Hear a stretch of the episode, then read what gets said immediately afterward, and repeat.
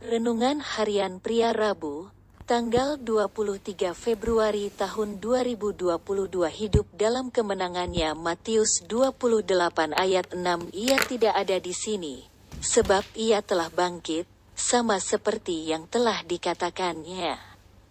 Mari, lihatlah tempat ia berbaring.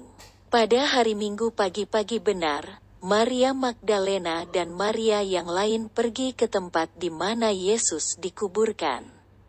Akan tetapi mereka tidak menemukan mayat Yesus di situ. Dan malaikat Tuhan mengatakan kepada mereka bahwa Yesus yang disalibkan itu sudah tidak ada di sini. Karena Yesus sudah bangkit dan hidup kembali. Yesus menggenapi apa yang ia telah katakan sebelumnya bahwa pada hari ketiga ia akan bangkit dari kematian. Dan ini membuktikan bahwa memang Yesus adalah Tuhan yang telah menggenapi nubuatan-nubuatan yang telah dikatakan oleh para nabi tentangnya. Dan Yesus juga telah membuktikan bahwa perkataan-perkataannya benar dan dapat dipercayai. Ada banyak makna rohani dari kebangkitan Yesus atas kematian yang dapat kita pelajari. Dan bukan hanya dapat kita pelajari saja, tetapi juga kita dapat mengalami berkat-berkat rohaninya dari kebangkitan Yesus. Dengan kebangkitan Yesus dari kematian, itu membuktikan bahwa Yesus telah mengalahkan iblis, dosa, dan maut. Yesus juga sudah mengalahkan setiap masalah dan tantangan kehidupan.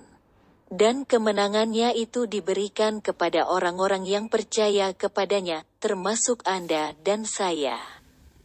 Jadi kita dapat hidup dalam kemenangan di dalam kehidupan kita di dunia ini. Bukan karena kita hebat, tetapi karena Yesus dan kemenangannya ada di dalam kehidupan kita. Yesus mendekati mereka dan berkata, Kepadaku telah diberikan segala kuasa di sorga dan di bumi. Matius 28 ayat 18, refleksi diri, apa yang firman Tuhan katakan kepada Anda? Bagaimana kehidupan Anda dengan firman Tuhan itu? Catat komitmen Anda terhadap firman Tuhan itu. Doakan komitmen Anda itu, pengakuan iman di dalam Kristus, saya mengalami kemenangan demi kemenangan di dalam kehidupan saya setiap hari.